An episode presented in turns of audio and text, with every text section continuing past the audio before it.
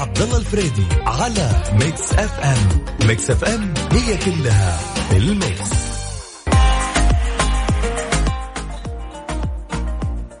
بسم الله الرحمن الرحيم. السلام عليكم ورحمة الله وبركاته. أسعد الله مساكم بكل خير.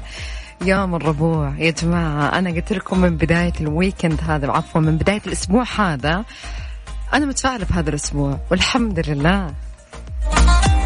أول مرة يعني أتفائل بشيء يصير. الحمد لله. تفائلوا بالخير تجدوه هذا الأسبوع صراحة أسبوع خفيف. في أخبار حلوة.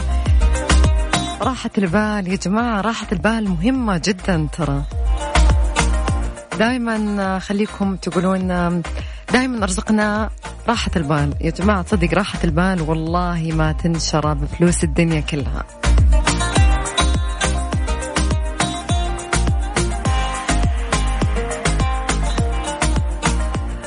طاري راحة البال والناس اللي تفكر في واجد وليش فلان أدق عليه ما يرد وفلان أكلمها وأشوفها أونلاين وكمان ما ترد علي كلامي.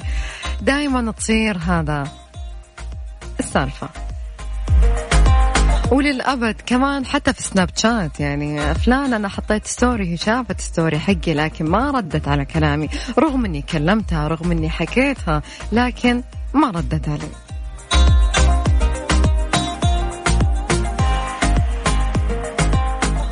ويمر وقت طويل عشان نقدر نتجاوز آه، هذه السالفة.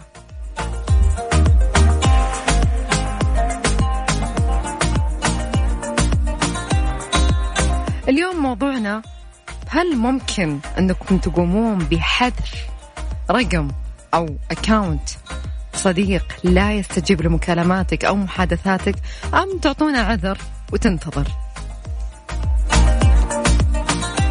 يعني بكل صدق يا جماعة. المشكلة يا جماعة أن ال social media يعني صعب إنك تعطي عذر. يا جماعة ترى صدق صدق يعني.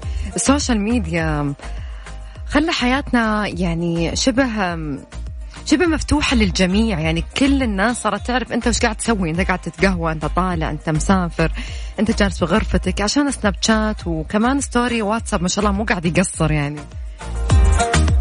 فلما أنت تتصل على شخص فجأة تشوفه منزل story Snapchat وما رد عليك. وأنت كمان كلمتي واحدة من البنات ولا فتحت ال conversation حقك محادثتك ما فتحتها. فجأة حطت story أو فجأة شافت story حقك ولا فكرت ترد عليك. هل ممكن تمنحينها عذر يعني تقول ممكن مشغولة معذورة ولا تقومين تحدثينها وخلصنا. بكل صدق يا جماعة جد. شاركوني على صفر خمسة أربعة ثمانية, ثمانية واحد, واحد سبعمية. يعني صراحة يا جماعة أنا هذا الشيء قد صار معاي يعني قبل يوم الجمعة. من غير قصد. إي والله من غير قصد. وإن كانت تسمعيني الحين فوالله من غير قصد. يا جماعة أنا لما أسوق أوكي ما ما أفتح conversation لأنه ما أقرأ فاهم؟ يعني الموضوع أنه صعب لأن أسوق فلو وقت الإشارة ممكن أنه مثلا أطلع على ال story يعني بس ما يمديني أكتب وسالفة أنه أتكي وأكتب صعب يعني. فصارت السالفة هذه أنه ما شاء الله في واحدة كتبت لي موشح ما شاء الله paragraph يا جماعة. انه انت تشوفين ال story حقي وما فتحتي ال conversation حقي ولا؟ طيب يعني اعذريني. كيف اعذرك؟ وانت مصورة وانت وانت وانت. يا جماعة يعني خلونا نراعي بعض شوي يعني جد. يعني الواحد ما يستاهل الزعل الكبير اللي يصير. وانك تطلعين شخص من حياتك عشان بس ممكن ما رد عليك.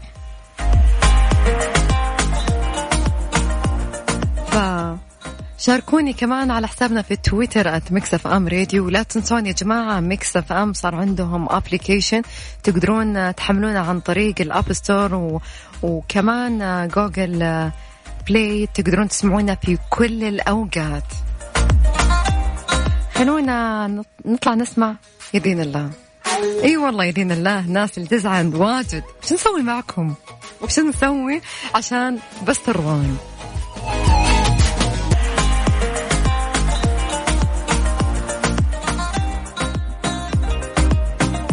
اليوم توقع عقدا لبناء محطة لإنتاج وتصدير الهيدروجين بقيمة 5 مليارات دولار.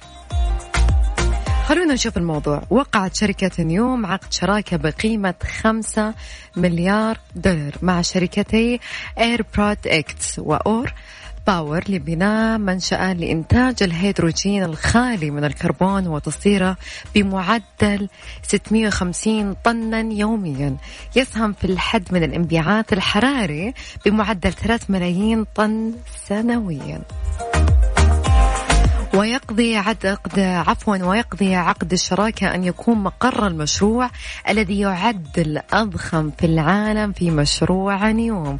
على أن تكون المنشأة جاهزة بحلول عام 2025 يعني بقى خمس سنين تقريبا ليبدأ الإنتاج والتصدير.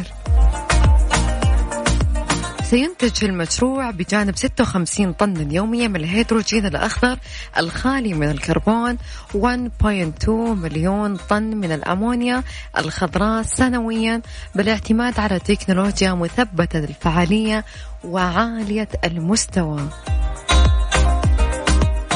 كما سيجمع بين توليد الطاقة الشمسية والطاقة المستمدة من الرياح بأكثر من أربعة جيجا واط وتخزينها بالإضافة إلى إنتاج الهيدروجين وإنتاج النيتروجين عن طريق فصل الهواء باستخدام تقنية إير برود وإنتاج الأمونيا الخضراء.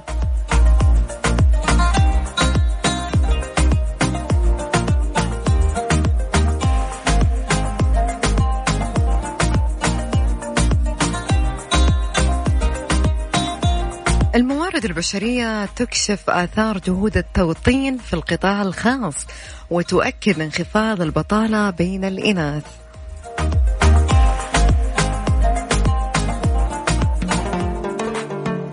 كشفت وزارة الموارد البشرية والتنمية الاجتماعية اليوم عن آثار جهود التوطين في القطاع الخاص منذ سبتمبر 2019 وحتى منتصف شهر مارش مع بداية الجائحة وأوضحت الوزارة أن نسبة البطالة بين الإناث انخفضت في الربع الأول للعام الجاري إلى 28.2 بالمئة مقارنة ب 31.7% في الربع الأول من 2019 نسبة كبيرة.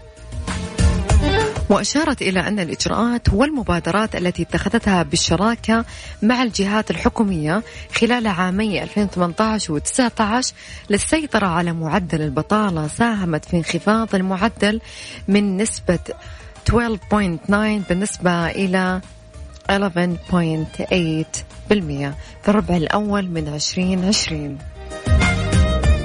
ونوهت الوزارة بزيادة نسبة التوطين في القطاعات محددة عن طريق اتفاقيات التوطين تم التركيز فيها على توظيف الخريجين ممن ليس لديهم خبرة أو ممن أمضوا وقتا في البحث عن العمل.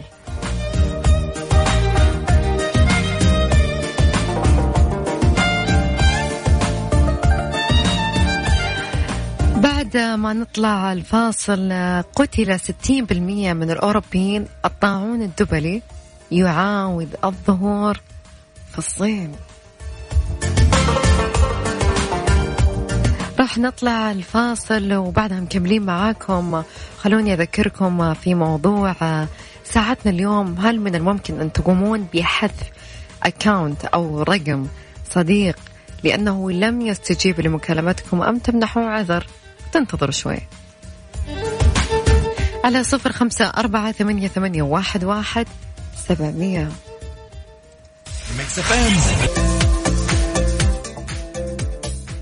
صراحة هذا الخبر أحزنني جدا. أعلنت السلطات الصحية الصينية في منطقة منغوليا الداخلية رفع درجات الخطر للمستوى الثالث. بعد ظهور بؤرة تفشي محتملة لمرض الطاعون الدبلي محذرة من تحول المرض إلى وباء جديد. قد يهدد العالم على غرار فيروس كورونا المستجد كوفيد 19 وذكرت أنه تم رصد مريض أصيب بالعدوى بعد تواجده في بؤرة تفشي محتملة للمرض محذرة من خطر انتشار المرض بين السكان ودعت إلى عدم اصطياد وتناول الحيوانات البرية إطلاقاً. ويأتي التحذير بعد اكتشاف أربع إصابات بالطاعون كان كان عفوا كان قد تم الإبلاغ عنها في أشخاص في منغوليا الداخلية في نوفمبر الماضي. بما في ذلك حالتان من الطاعون الرئوي وهو نوع أكثر فتكا من الطاعون. وبحسب تعريف اختصاصي الأوبئة فإن مرض الطاعون الدبلي هو مرض حيواني المنشأ وينتشر بين القوارض الصغيرة الفئران والجرذان والبراغيث ويقضي على ثلثي المصابين في حالة عدم خضوعهم للعلاج اللازم.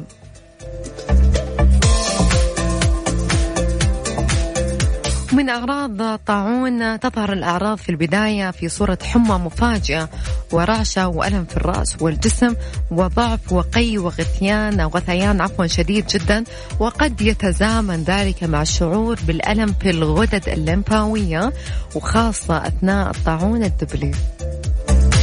وتشمل أعراض الشكل الرئوي ضيق التنفس الحاد والسعال الذي يصاحبه البلغم الملوث بالدم في كثير من الأحيان وتظهر بشكل سريع بعد العدوى أحيانا خلال أقل من 24 ساعة بعكس كورونا.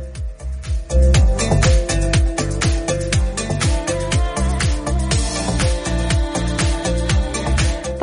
معدل وفيات الطاعون ما بين 30 إلى 60% في حين يكون الشكل الرئوي أسرع في حالة غياب العلاج ولكن معدلات التعافي من النوعين جيدة نوعا ما إذا ما عولج الناس في الوقت المناسب. الله يكافينا الشر ويبعد عنا يا رب.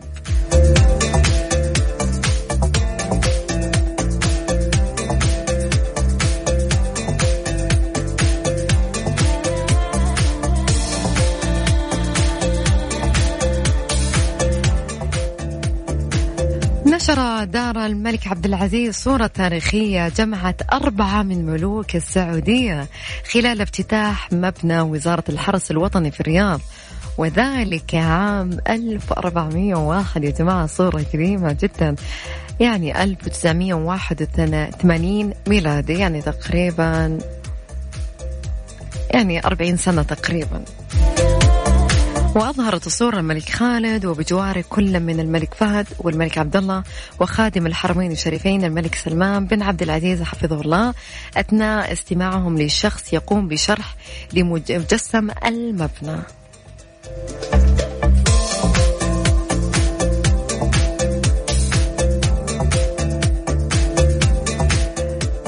أمل تقول صراحة أنا أعطي فرصتين فقط. الثالثة ثابتة. في حال أن الشخص اللي قدامي ما رد علي وقاعد أشوف أنه ينزل story مثلا وكمان يشوف story حقي خلاص أنا راح أحذف الشخص تماما.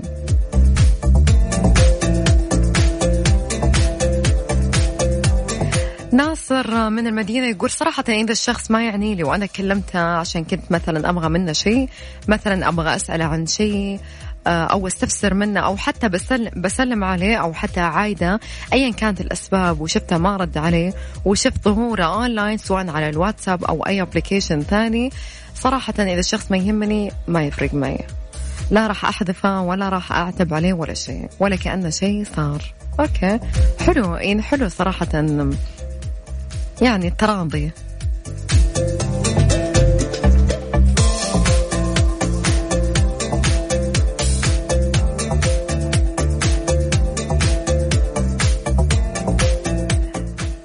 شخص طلب أغنية أمال ماهر أبشر تامر أمر.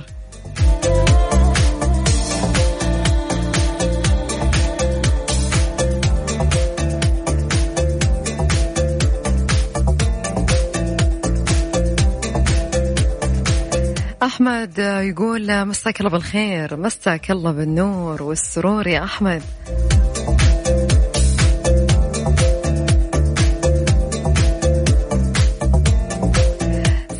أكيد مسي عليك شو أخبارك يا سارة؟ سارة أبشري بالأغنية اللي طلبتيها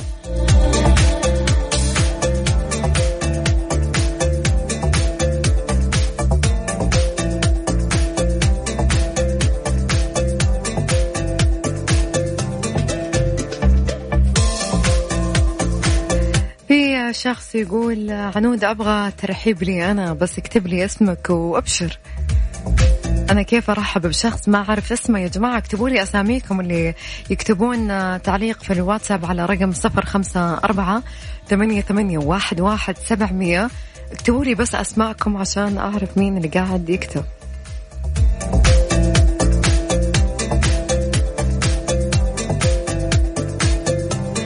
يقول ال social media هي اللي خلتنا نسمع صوت عنود. الله يسلمك. بس مين أنت؟ أنت مين؟ خليني أعرف بس مين اللي قاعد يكتب الكلام. يوسف أهلا وسهلا فيك. حاطنا صورة بالطيارة. ما أدري إن شاء الله ترجع بالسلامة أو توصل بالسلامة. أنا ما أعرف وين وجهتك بالضبط لكن إن شاء الله توصل بألف سلامة.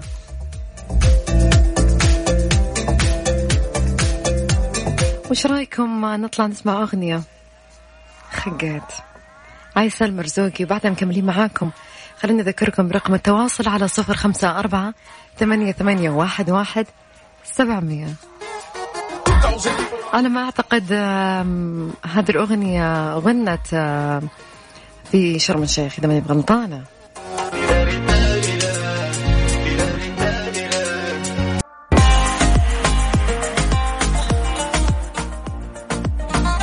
يوسف آه، يعقوب يقول مساء الخير يا أخت عنود. مساك الله بالنور والسرور. يقول أنا في الطيارة وأسمع لكم ورحلتي من الطايف إلى الرياض لتجارتي وتحياتي لكم. توصل بألف سلامة والله يوفقك في شغلك.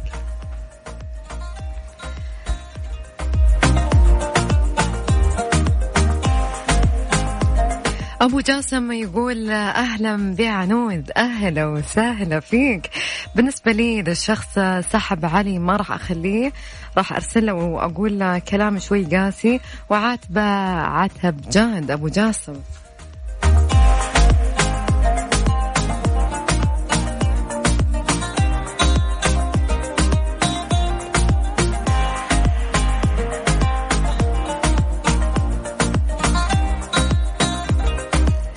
يسعد مساكم جميعا بس ما أعرف أنت اسمك إيش؟ اكتب لنا اسمك.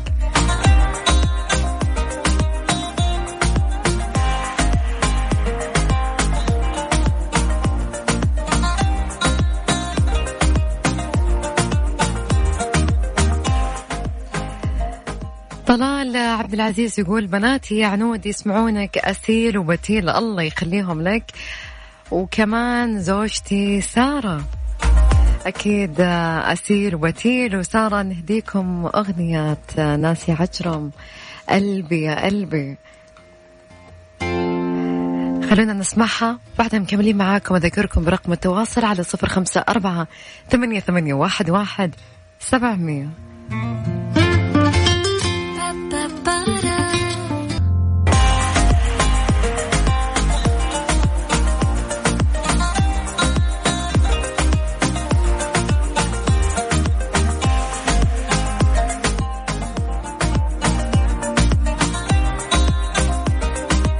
عنود مساء الخيرات آه، يا بنت المملكة الرقيقة. شكرا الله يسلمك.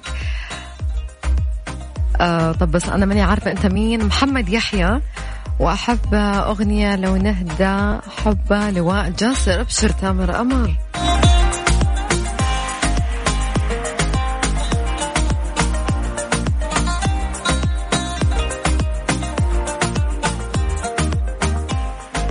رئيس شركة البحر الأحمر لا ننافس لا شرم الشيخ أو دبي. نتوقع خمسين من المية سياحنا من أوروبا وآسيا. خلونا نشوف الموضوع يا جماعة. توقع الرئيس التنفيذي لشركة البحر الأحمر جون أن يجذب مشروع البحر الأحمر زوارا من السعوديين والأجانب. مناصفة بين القسمين مؤكدا أن المشروع لا ينافس. دبي أو شرم الشيخ والمنتجعات المصرية المطلة على البحر الأحمر مثل الغردقة ويمتلك مقومات الجذب الخاصة به. وقال إن فئات السياحة التي ستزور المنطقة ستتنوع على مدار العام حيث يتوقع أن تكون أشهر الشتاء أكثر جذبا للقادمين من أوروبا الغربية وآسيا من نظيرتها في فصل الصيف. وأن يجذب المشروع شريحة مختلفة من العملاء عن تلك التي نستقطبها المنتجعات المصرية الواقعة على البحر الأحمر حيث يركز المشروع على نقاء البيئة وارتفاع مستوى الرفاهية. هذا الشيء أنا أحبه الصدق من جانب آخر أشار إلى أنه لا يتوقع أن تشكل دبي تحديا بالنسبة لواجهة البحر الأحمر السياحية. مبينا أن المشروع جذب السياح في فصل الصيف وهي الفترة التي تقل فيها أعداد السياح في دبي بسبب ارتفاع درجة الحرارة والرطوبة.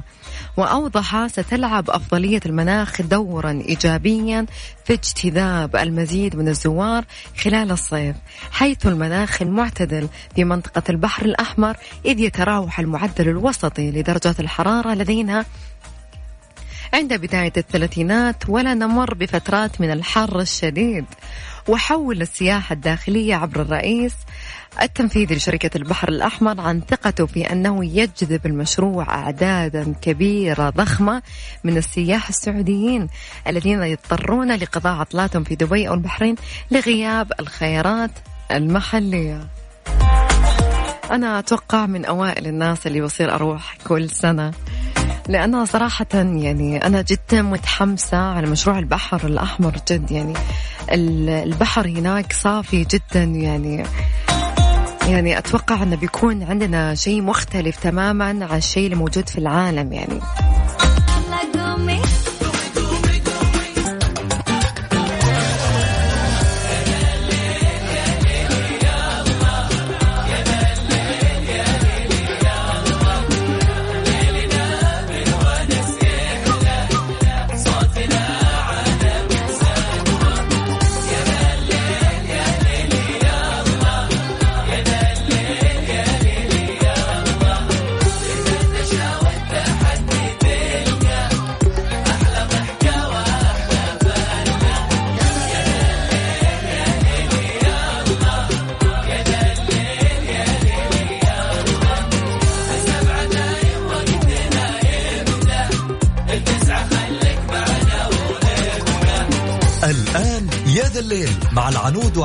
الفريدي على Mix FM Mix FM هي كلها ال mix.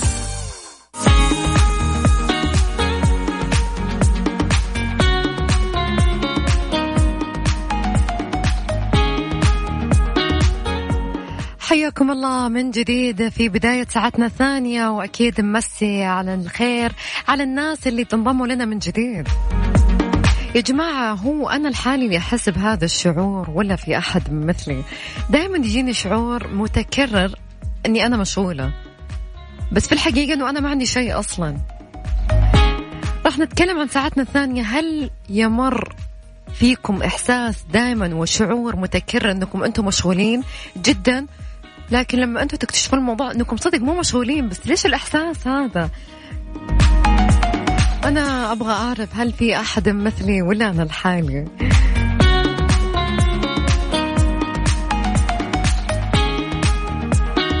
أكيد نستقبل مشاركاتكم على صفر خمسة أربعة ثمانية, ثمانية واحد, واحد سبعمية.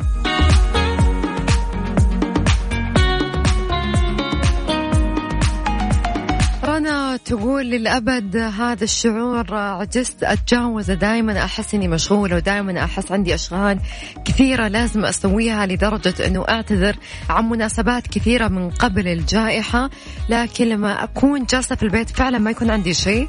لكن في حال أنه أنا انعزمت أو في أحد قرر انه يجيني دائما يجيني هذا الشعور أنه أنا مرة مشغول وعندي أشياء مرة كثير الغريب في هذا الموضوع ما هو بس أنا لحتى زوجي عنده نفس الشعور هذا دائما دائما يقول لي أنا مشغول. لكن أنا بالتالي أشوف أنه مو مشغول يعني. يعني كويس في ناس كثير يحسون بهذا الشعور مو أنا لحالي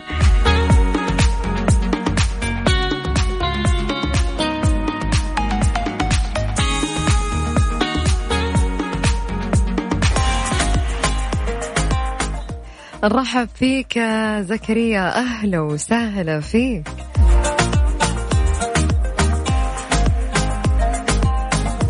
أبو ورد يقول أنا الحين أكلمك وأنا مشغول بالفضاوة. أوكي هو عطناها من الأخير يعني. يا جماعة ليش هذا الإحساس؟ دائما جينا إحنا مشغولين وعندنا أشياء مرة كثير لازم نسويها لكن يجيك إحساس إنه أنت عندك شغل بس لما تفكر إنه تجرت مع نفسك تقول طب أنا ما عندي شيء أسويه. ليش دائما الأعذار هذه تكون موجودة؟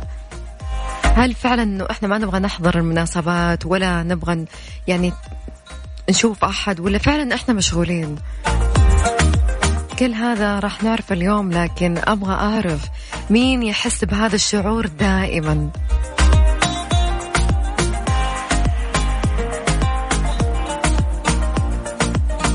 محمد يقول كلنا نحس بنفس الشعور دائما نحسنا مشغولين ودائما نحس إنه إحنا عندنا أشغال مرة كثير لازم نخلصها. لكن آه، أحلى شعور هو حبي لزوجتي الله يخليكم لبعض.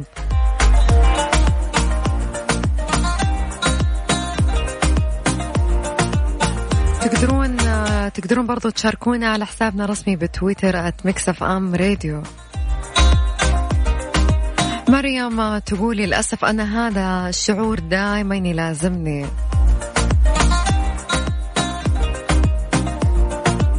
أفنان تقول هذا الشعور دائما أحس أن هناك ملفات لازم أخلصها في يومي. لابد من غلقها حتى يغادرني هذا الشعور. يعني هي عندها فعلا أشياء لازم تسويها. فاطمة تقول عقلي مشغول دائما دائما. ولما أفكر أنه أبغى أخلص الشغل أكتشف إنه فعلا شغلي أقدر أخلصه في ساعات الدوام بس ما أدري ليش احسني مرتبطة بهذا الشيء أو مقيدة نفسي بهذا الشيء. أمجاد تقول الشعور ما أخيل لكم كيف يلازمني طول الوقت حتى وأنا مسافرة. يعني مسافرة غيري جو خليها سفرة خلاص أقطع العمل عن الفترة هذه يعني.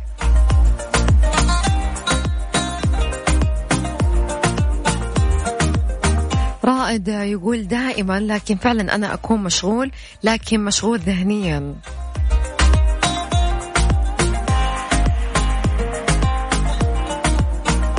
مها تقول كنت أمر بهذا الشعور في فترة من الفترات لكن تخطيتها بفضل الله. أتوقع أنه ينتج من الضغوطات سواء من الدراسة أو من المجتمع. أفنان أعطتنا من الآخر تقول تكفون أعطوني علاجة ماني متحملة دائما أحسني مشغولة.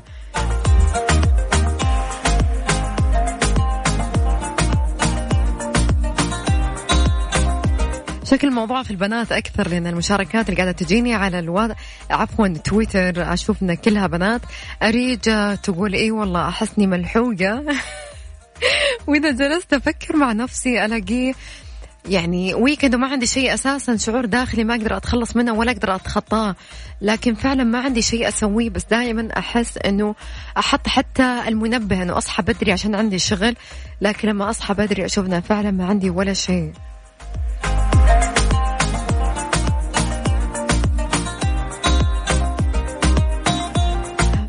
نورة اثنيان تقول يمكن أن نطلق عليها فوضى العقل وتكون تشتت بالعقل لعدة أهداف.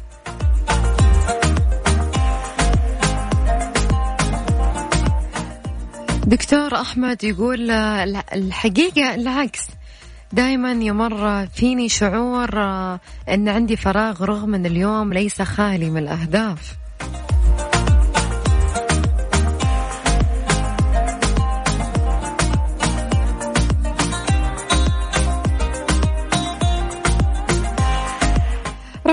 تقول دائما دائما أحس إني مشغولة لدرجة إنه ما عاد ألاقي وقت حتى أجلس مع أهلي.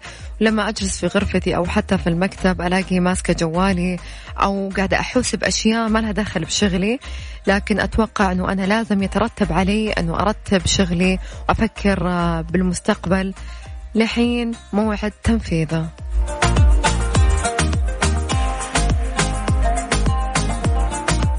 برضو أنتم تقدرون تشاركونا أكيد على حسابنا الرسمي بتويتر @ميكسف أم راديو أو على الواتساب صفر خمسة أربعة ثمانية, ثمانية واحد, واحد سبعمية. موضوعنا اليوم هل دائما يمر فيكم شعور متكرر أنك مشغول جدا بينما أنت في الحقيقة ما عندك ولا شيء تسويه أصلاً؟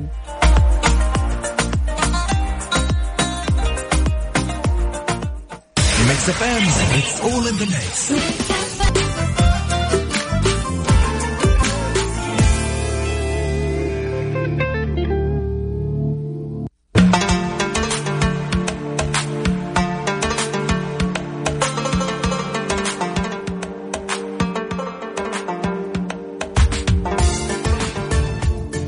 تخيلوا يا جماعة ما شاء الله 800 طن سنويا الباحة من إنتاج العسل الشهير في المملكة.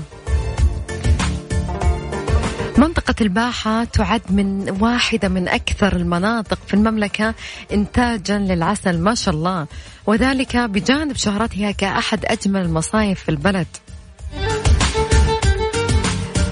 طبعا الباحة تنتج 800 طن سنويا من العسل بواسطة 125 ألف خلية ما شاء الله. حيث يعكف 1600 على جمع العسل طوال العام من الحجاز وتهامة بمعدل سبع مرات في العام.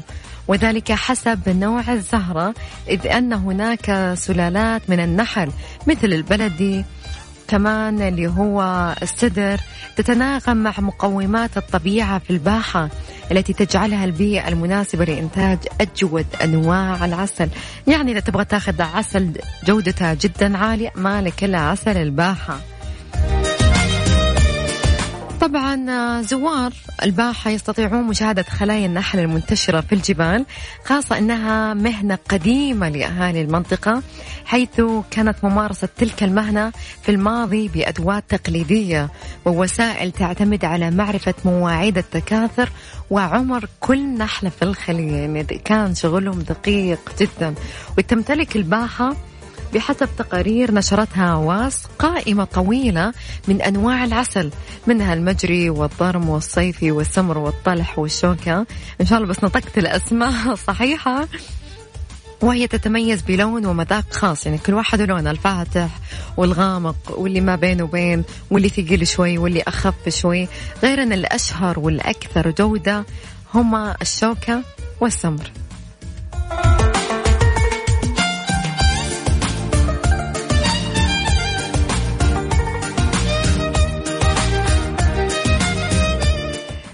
تمكنت المرأة السعودية من التأقلم على أجواء العمل عن بعد في ظل جائحة كورونا متجاوزة كافة الصعوبات التي واجهتها في بداية الأزمة. قالت إحدى السيدات العاملات عن بعد في تقرير نشرته أنه واجهت في البداية صعوبات تتعلق بتنظيم الوقت ما بين واجبات العمل واحتياجات بيتها وزوجها وأولادها مؤكدة أنها مع مرور الوقت تمكنت من إيجاد التوازن اللازم بين الأمرين وأشارت إلى أن العمل عن بعد منح المرأة مزايا غير معهودة ساعدتها على إداء واجباتها العملية والمهنية في أجواء مريحة داخل منزلها. وبصحبة عائلتها مؤكدة أن المرأة بإمكانها ممارسة الرياضة والطبخ وغيرها من الأنشطة أثناء أدائها لعملها ما شاء الله. وطرحت أحد القنوات سؤالا في نهاية تقريرها حول كان العمل عن بعد سيكون هو الوتيرة التي قد تسير عليها مختلف القطاعات المهنية بعد انتهاء جائحة كورونا. والله صراحة تحية كبيرة للمرأة السعودية قادرة على كل شيء.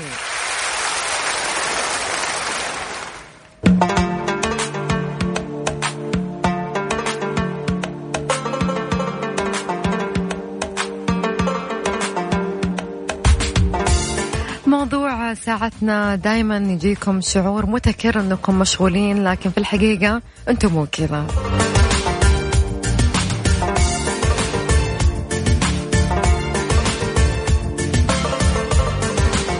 نوف تقول فعلا أنا دائما مشغولة حاليا تفكير بالوظيفة. أحس دائما علي أنه أقوم وأشتغل وأرسل السي في وأعدل على السي في وأرسل لعدد جهات وشركات.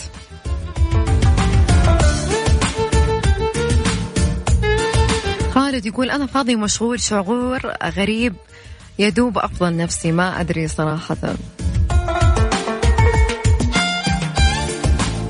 راشد يقول صراحة الموضوع طمني أنا مو بس أنا لحالي. لا صدقني مو أنت لحالك في ناس واجد. يوسف يقول قد يكون الشخص مشغولا ذهنيا رغم أنه لم يعمل شيئا جسديا.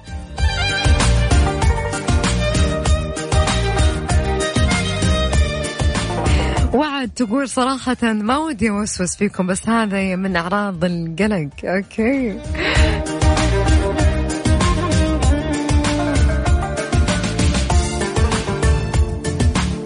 هشام يقول هذا الشعور يعكس مقدار بعدك عن وضع الأولويات وتحديد الأهداف المهمة في حياتك. دكتورة رينات تقول مو شرط الواحد أحيانا يكون فعلا مشغول ولكن صعبة احتراق ويحتاج فترة فترة عفوا راحة ولكن تفكيره بالأشغال يخرب عليه لا هو اللي يرتاح ولا هو اللي يخلص شغله ولا هو اللي يسوى شيء ودائما متعب نفسه.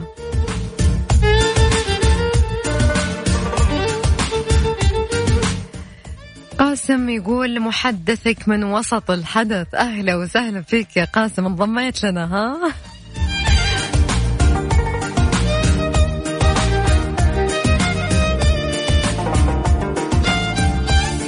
أبو فهد يقول للأسف دائما هذا الشعور بيجيني ودائما ينتهي اليوم بلا أي إنجاز.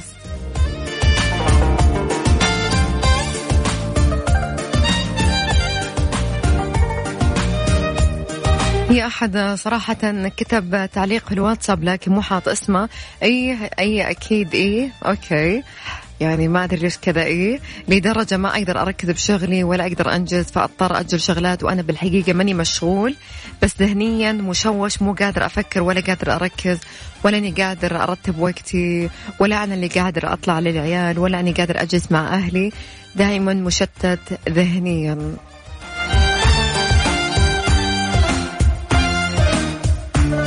الجارة تقول أنا فعلا مشغولة فعلا مشغولة مو قاعدة أكذب. ما حد قال إنك كذابة أبدا.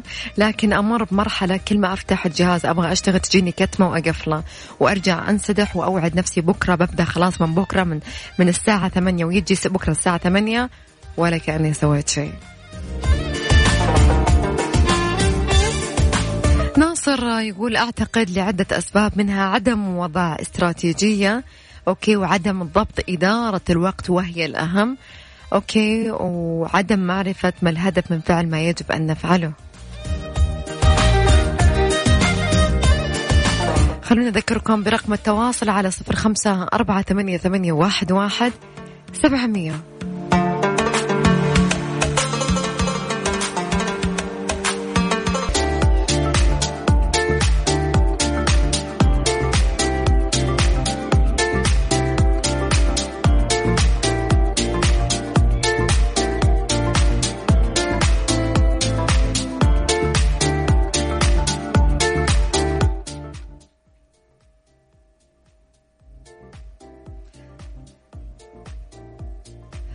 خطوة نحو جعلها وجهة سياحية رئيسية انتهاء المرحلة الثانية من تطوير مطار العلا أعلنت الهيئة الملكية لمحافظة العلا اليوم انتهاء المرحلة الثانية من أعمال تطوير مطار العلا والذي يمثل أحد أهم عناصر الاستراتيجية الهادفة لجعل المحافظة وجهة سياحية رئيسية ومركزا لوجستيا. طبعا شملت المرحلة الثانية من تطوير المطار تجديد المبنى الرئيسي وزيادة سعة ساحة الخدمات لاستيعاب الطائرات الأكبر حجما. إضافة إلى زيادة الطاقة الاستيعابية للمطار من 100 ألف إلى 400 ألف مسافر سنويا. كما يتضمن المشروع إنشاء صالة لكبار الشخصيات تعبر عن البيئة الخلابة والإرث العريق للعلا. طبعا تطوير البنية التحتية من الأسس الداعمة لاستراتيجيات النمو المستدام للهيئة مشيرا إلى أن المطار يساهم في خلق مزيد من فرص العمل للسكان المحليين. وكانت الهيئة الملكية للمحافظة قد تمكنت من إعادة تسيير الرحلات الجوية من الرياض إلى العلا بواقع أربع رحلات أسبوعيا كما من المتوقع استئناف الرحلات القادمة من جدة عدة مدن أخرى إلى العلا خلال الفترة المقبلة.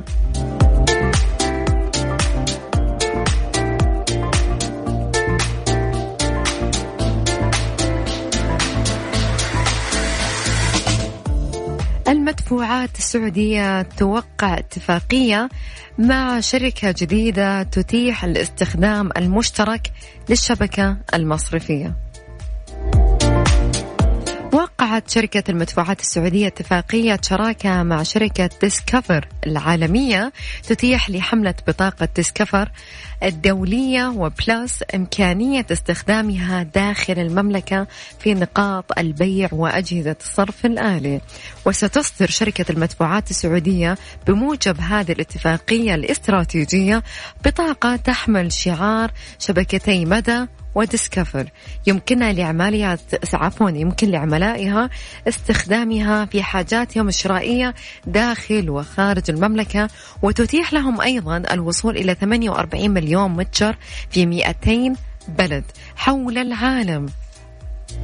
بالإضافة ل 470 ألف جهاز ونقاط بيع 18 ألف جهاز صراف منتشر في جميع أنحاء المملكة.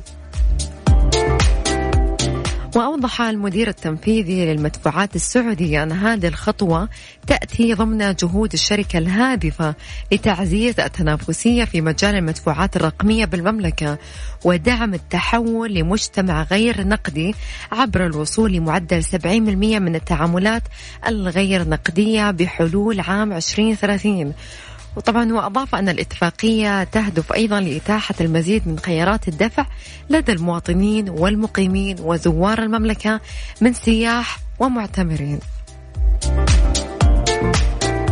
صراحة أنا من الناس اللي صرت ما أحب مرة أشيل كاش معاي يعني صار موضوع يأزمني.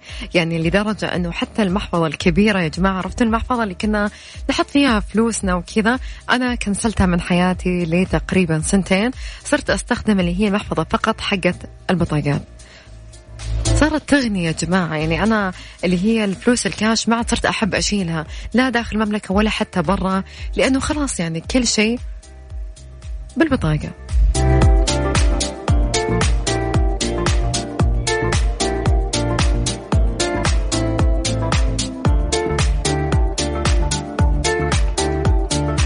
خلوني أذكركم برقم التواصل على صفر خمسة أربعة ثمانية, ثمانية واحد, واحد سبعمية. راح نطلع فاصل وبعدها مكملين معكم.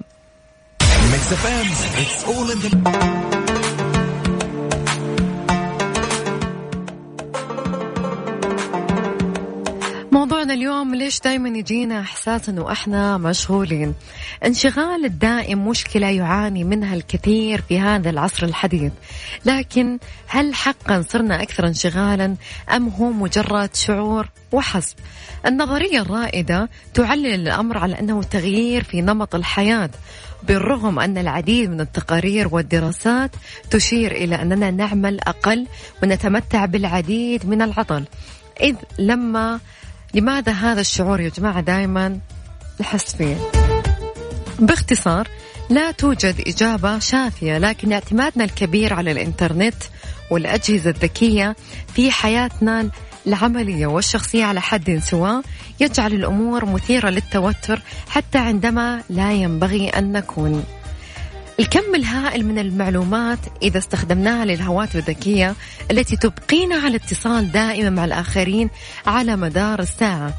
يعلل لماذا لا يمكن أن نسترخي بالقدر الكافي. التطور السريع في التكنولوجيا يا جماعة وجلب فوائد بالإضافة إلى أنه يسبب زيادة في المعلومات وعدم وضوح الحدود الفاصلة بين وقت العمل ووقت الترفيه. لذا حتى عندما لا نعمل نشعر وكأننا نعمل. وهذا دائما يكون موجود يا جماعة.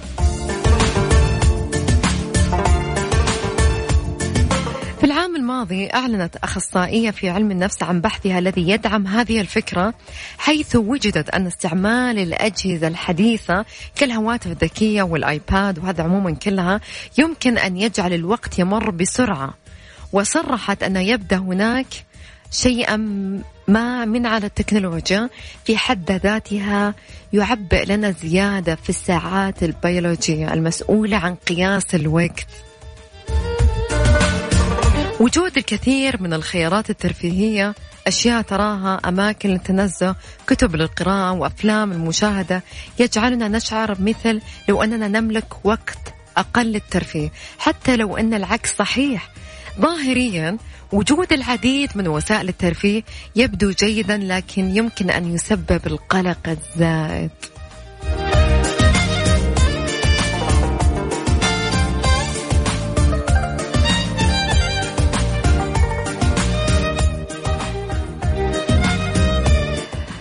يا جماعة إدارة الوقت ثم إدارة الوقت ثم إدارة الوقت لازم تحط ساعات معينة أنك أنت تمسك ال social media.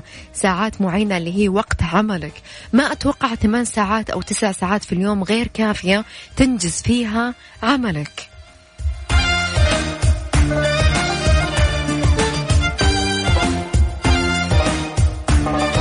فيا جماعة رتبوا أولوياتكم رتبوا وقتكم. ثمان ساعات ووقت لأكلك وقت لأهلك وقت تمسك فيه social media وقت تلعب فيه PlayStation رتبوا أولوياتكم رتبوا أوقاتكم.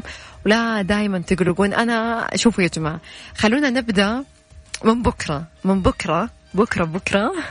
راح أبدأ مع هذا الشيء صراحة. أنا برتب أولوياتي رتب أوقاتنا. نحط الأوقات آه، متى راح نمسك social media متى الوقت اللي خلاص نفصل. هذا وقت حق لأهلنا هذا وقت النوم هذا وقت آه، مثلا أشوف فيه موفي أو مسلسل أو أي شيء. لكن أرتب أولوياتنا وترتيب الوقت هو أهم هذا كله.